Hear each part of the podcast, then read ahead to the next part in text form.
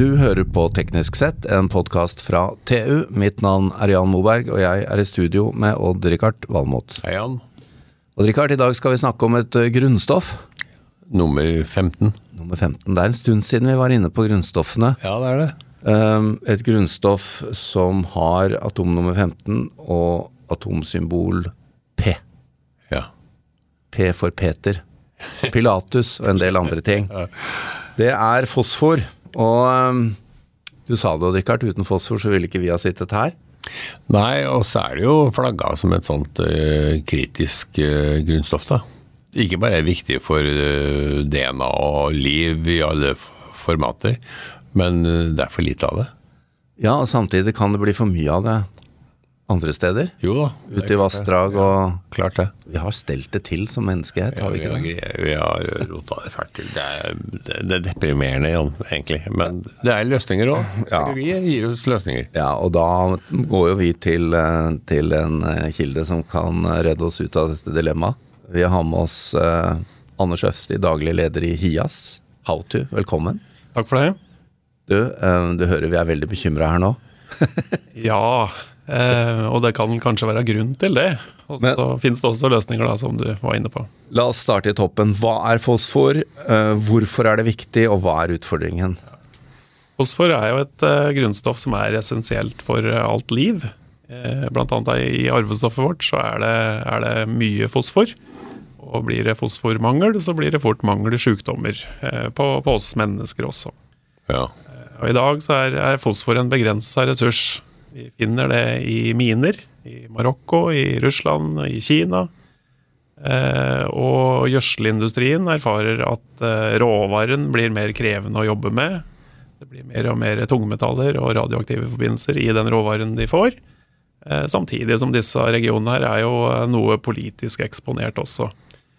Og så er hele forsyningskjeden i verden helt avhengig, altså matproduksjonen i verden er helt avhengig av å få tilført en fosforkilde. Eh, Og det er jo da vi, vi jobber med en løsning som prøver å bryte en ikke-sirkulær strøm av fosfor, hvor fosfor bare går ensretta gjennom eh, næringskjedene, til å begynne å sirkulere fosfor. Ta den i bruk opp igjen og opp igjen og opp igjen. Ja, men da må jeg først stille deg spørsmålet. Før vi som menneskehet kom og kludra til alt, så var fosfor også viktig. Men da hadde vi ikke gruver. Hvordan foregikk det da? Da, da, var alt, eh, da var alt sirkulært, før vi kludra det til. Da hadde vi ikke intensiv matproduksjon som krevde tilførsel av kunstgjødsel med både nitrogen og, og fosfor. Så på en klode med noen hundre tusen innbyggere, eller noen millioner, så var vi i balanse. Men eh, der er vi ikke lenger. Så i dag så er vi helt avhengig av å, å tilføre gjødsel for å understøtte Ja, for det matproduksjon. er snakk om milliarder av mennesker som bæres opp av kunstgjødsel, rett og slett. Eh, Det er det. Men, øh, men øh, vi har jo Jeg regner med nå at vi snakker mye om renseanlegg, kommunal renseanlegg, og, og nå har vi jo her i området vårt vi er mye snakk om Oslofjorden, og da er det nitrogen som er høyt på lista, men vi har jo hørt om fosfor òg. Så -hmm. f- blir det ikke rensa i dag da, eller? Jo da, det gjør det. Eh, I det som defineres som følsomme områder, som i praksis er hele østlandsområdet, eh, alt som drenerer ut i Skagerrak, så blir fosfor eh, fjerna. Fosfor blir fjerna i nær sagt hele EU i dag. Ja, da er det sirkulært, da. Nei, det er det det ikke er. Førstevalget for å fjerne fosfor, og spesielt her i Norge, er å bruke kjemikalier. Hvor du bruker en kjemisk felling for å felle ut fosfor. Du bruker et aluminiums- eller jernbasert eh, kjemikalie som, som gjør at du klarer å felle ut fosforet. Skille det ut. Ulempen med det, da, det er at kjemisk felt fosfor er veldig lite plantetilgjengelig. Sånn at det har en Ah. veldig lav gjødslingseffekt. Så det blir bundet opp for lang tid. Det blir bundet opp, eh, og det er derfor vi bruker det. Det, det gir en effektiv, sterk binding. Men så er den eh, som gjør at vi klarer å fjerne det fra avløpsvannet. Så vi renser vannet som går ut. Ja. Men som da dessverre gjør at fosforen som ender opp i et slam som blir brukt i jordbruket som jordforbedringsmiddel, eh, ikke vil ha særlig Så gjødslingseffekt. sirkelen stopper effektivt. Det gjør den. Det blir mer og mer fosfor lagret eh, på norske jorder uten at det får effekt. Du kan egentlig hevde at det er en slags deponering. Og så vet vi ikke langtidseffekten av dette her, da. Tenk om bøndene hører på dette, Richard. Ja, det, Men nei, vi skal ikke vi, er jo den uskyldige parten her, da. Det er jo de som skal plukke opp fosforet, som bør tenke seg om. Ja, det kan du si, da. Eh, og man kan utnytte de mulighetene som ligger i teknologi i dag for å, å plukke opp den fosforen. Ja, men hva, hva, er det, hva er det du og Hias gjør da, som er annerledes? Nei, Det vi har gjort, det er at vi har, eh, vi har tatt det som i utgangspunktet var en fenomenal norsk oppfinnelse av en renseprosess som ble oppfunnet oppe i Trondheim på NTH på 80-tallet. Der har du deg Gløshaugen igjen. Ja, det er det. Nok en gang. Det er en, en renseprosess som er basert på, på biofilm, hvor bakteriene vokser i en biofilm. Det kalles MBBR på fagspråk. da. Eh, Poenget med den det er at eh, i en biofilmløsning så tilbyr du en veldig stor overflate for de bakteriene som skal gjøre den rensejobben de er satt til å gjøre. Å feste seg på en overflate, rett og Ja, rett og slett. Ikke bare flytte rundt. Ja. Eh, Da blir det robust, og det fungerer godt under norske forhold. Eh, Og den, Det er ikke sånn Gladpack vi snakker om her. Nei. Er, her prater vi mer om hardplast. Ja. ja. Den vokser på små plastbrikker som, som har en veldig stor overflate. Ja. ja. Eh, Den MBBR-teknologien er veldig effektiv på å fjerne karbonforbindelser, altså organisk materiale, og nitrogen. Og så har den hatt en svakhet på å fjerne fosfor. Har ikke, egentlig ikke fjerna noe særlig fosfor, og man må bruke eh, kjemikalier for å felle fosfor. Da. Så det man eh, gjorde oppe på Hias når man skulle ha en ny løsning for renseanlegget der for om lag ti år siden, det er at man eh, satte opp som ambisjon om at man ville redusere bruken av kjemikalier og begynne å gjenvinne fosfor. Og konkluderte da relativt kjapt med at man måtte begynne å fjerne fosfor biologisk. Og biologisk fosforfjerning finner du i dag over hele verden. Konseptet har vært kjent i over 50 år. Ja, Så vi, vi er litt sære i Norge som bruker kjemisk fosforfjerning? Vi, har, eh, vi gjorde forsøk i Norge på, på 90-tallet med biologisk fosforfjerning. Eh, I den tradisjonelle forstanden av det, eh, og fikk det ikke til å fungere særlig godt. Men når Hias tok det over i en biofilmløsning, så viste det seg at det fungerte veldig godt. Altså, hva er den tradisjonelle måten å gjøre det på? eh, da er vi over på teknologi som kalles aktiv slam, hvor bakteriene vokser fritt i vannet. Oh, ja. Da har, de ingen den, da har de ikke den definerte overflaten som en biofilmbærer tilbyr, men det vokser som slamfnokker, egentlig, Ja. i, i vannet. Eh, Og det viste seg å være krevende med kaldt norsk vann. Det Aha. fungerte, Temperatur i Norge. fungerte seks-sju måneder i året, og fungerte heller dårlig om vinteren og våren. Noen isbader i de bakteriene der, Det altså. er ikke det. Men med denne løsningen så fjerner du kaldtvannsproblematikken? Ja. eh, Dette har vært demonstrert i stor skala, altså siden 2016 oppe på Hedmarken, på Hias eh, renseanlegg. Eh, Og det fjerner mange og 90% av fosforen eh, biologisk. Er, er, det, er det løsningen deres i drift noe sted? Ja. Vi har eh, sammen med en entreprenør som heter Enva, så har vi bygd om Hias renseanlegg. Det ble ferdigstilt omtrent for et år siden, Altså utenfor Hamar? utenfor Hamar. Eh, og det står der i dag med en kapasitet på ca. 190 000 såkalte personekvivalenter. Eller avløp tilsvarende 190 000 personer. Hvor går eh, avløpet fra etter at det er rensa, da? Da går det ut i Mjøsa. Det går i Mjøsa. ja. Kan du bade fosforfritt fra stupetårnet i Hamar, Richard? Jo, men, men er det det eneste som egentlig eneste anlegget som har denne løsningen i Norge? Alle de andre er kjemiske? Vi har eh, en to-tre anlegg som er basert på biologisk fosforfjerning med den eh, tradisjonelle aktiv slam-teknologien. Ja. Eh, litt mindre anlegg. Eh, men det har hatt en del utfordringer, da, spesielt eh, sesong, sesongmessig. Eh, så i dag, med den Hias-prosessen som er biofilmbasert, så er Hias renseanlegg eneste store referanse.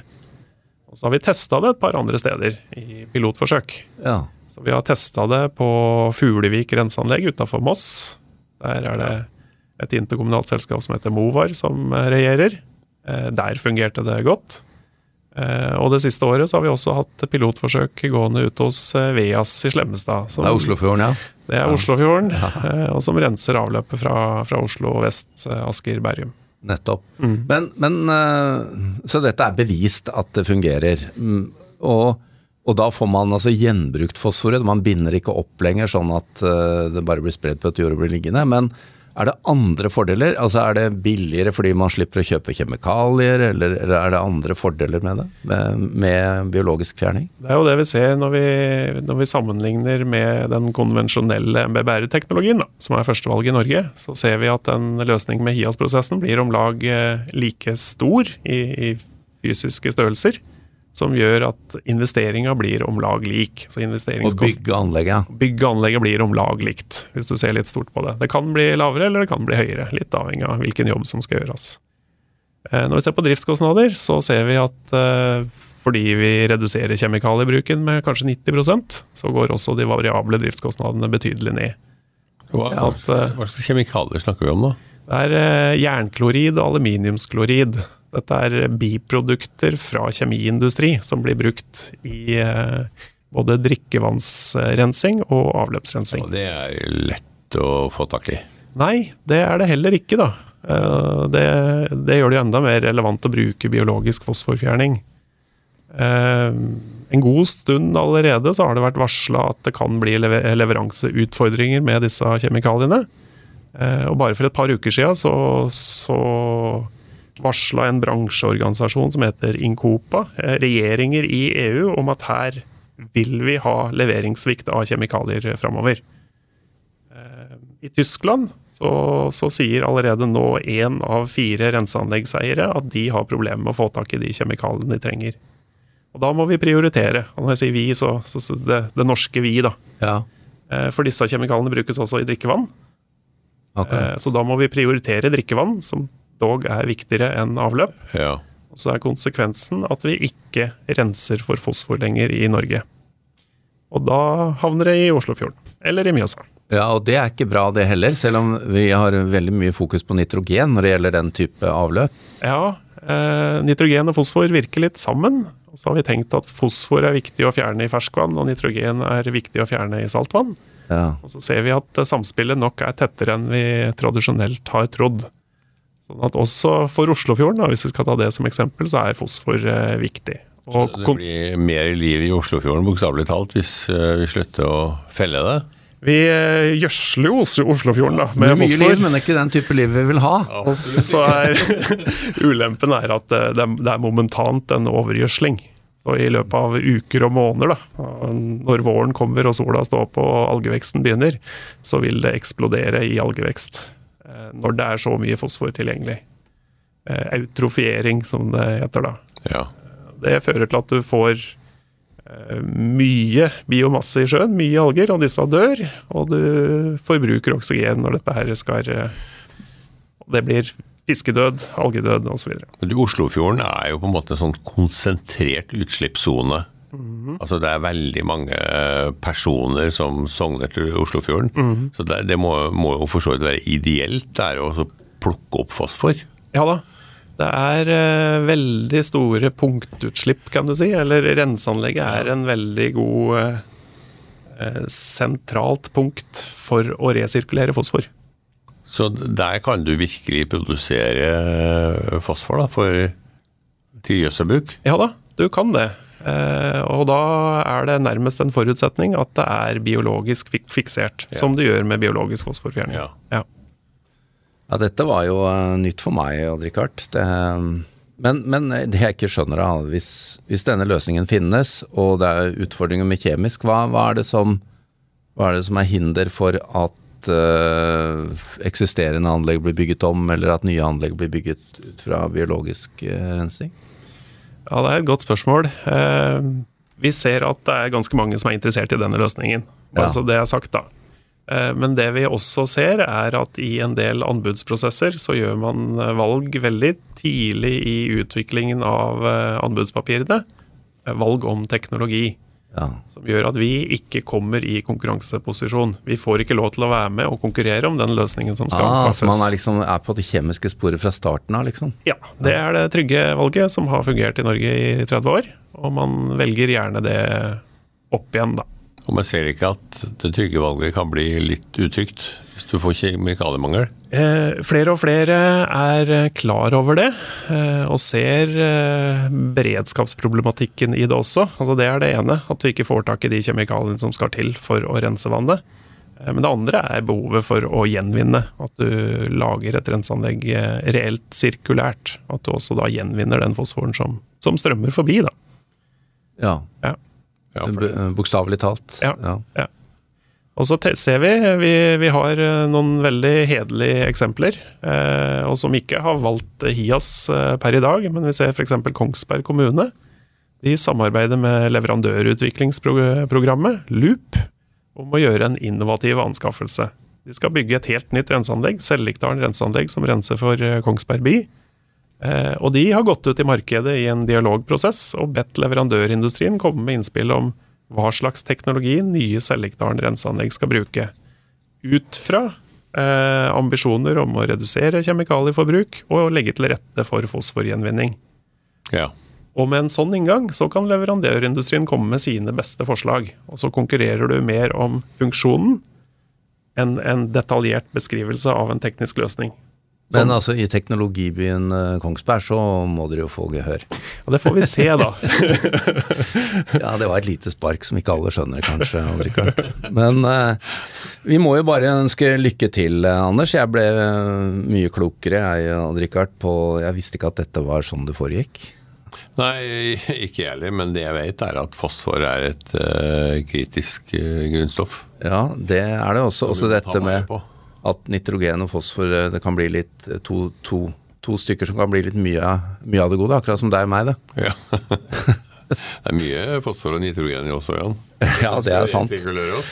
Men Anders Øfsti, takk til deg, daglig leder i Hias Howto. Takk til Odd-Rikard Valmot, og takk til vår produsent Sebastian Hagmo. Mitt navn er Jan Moberg.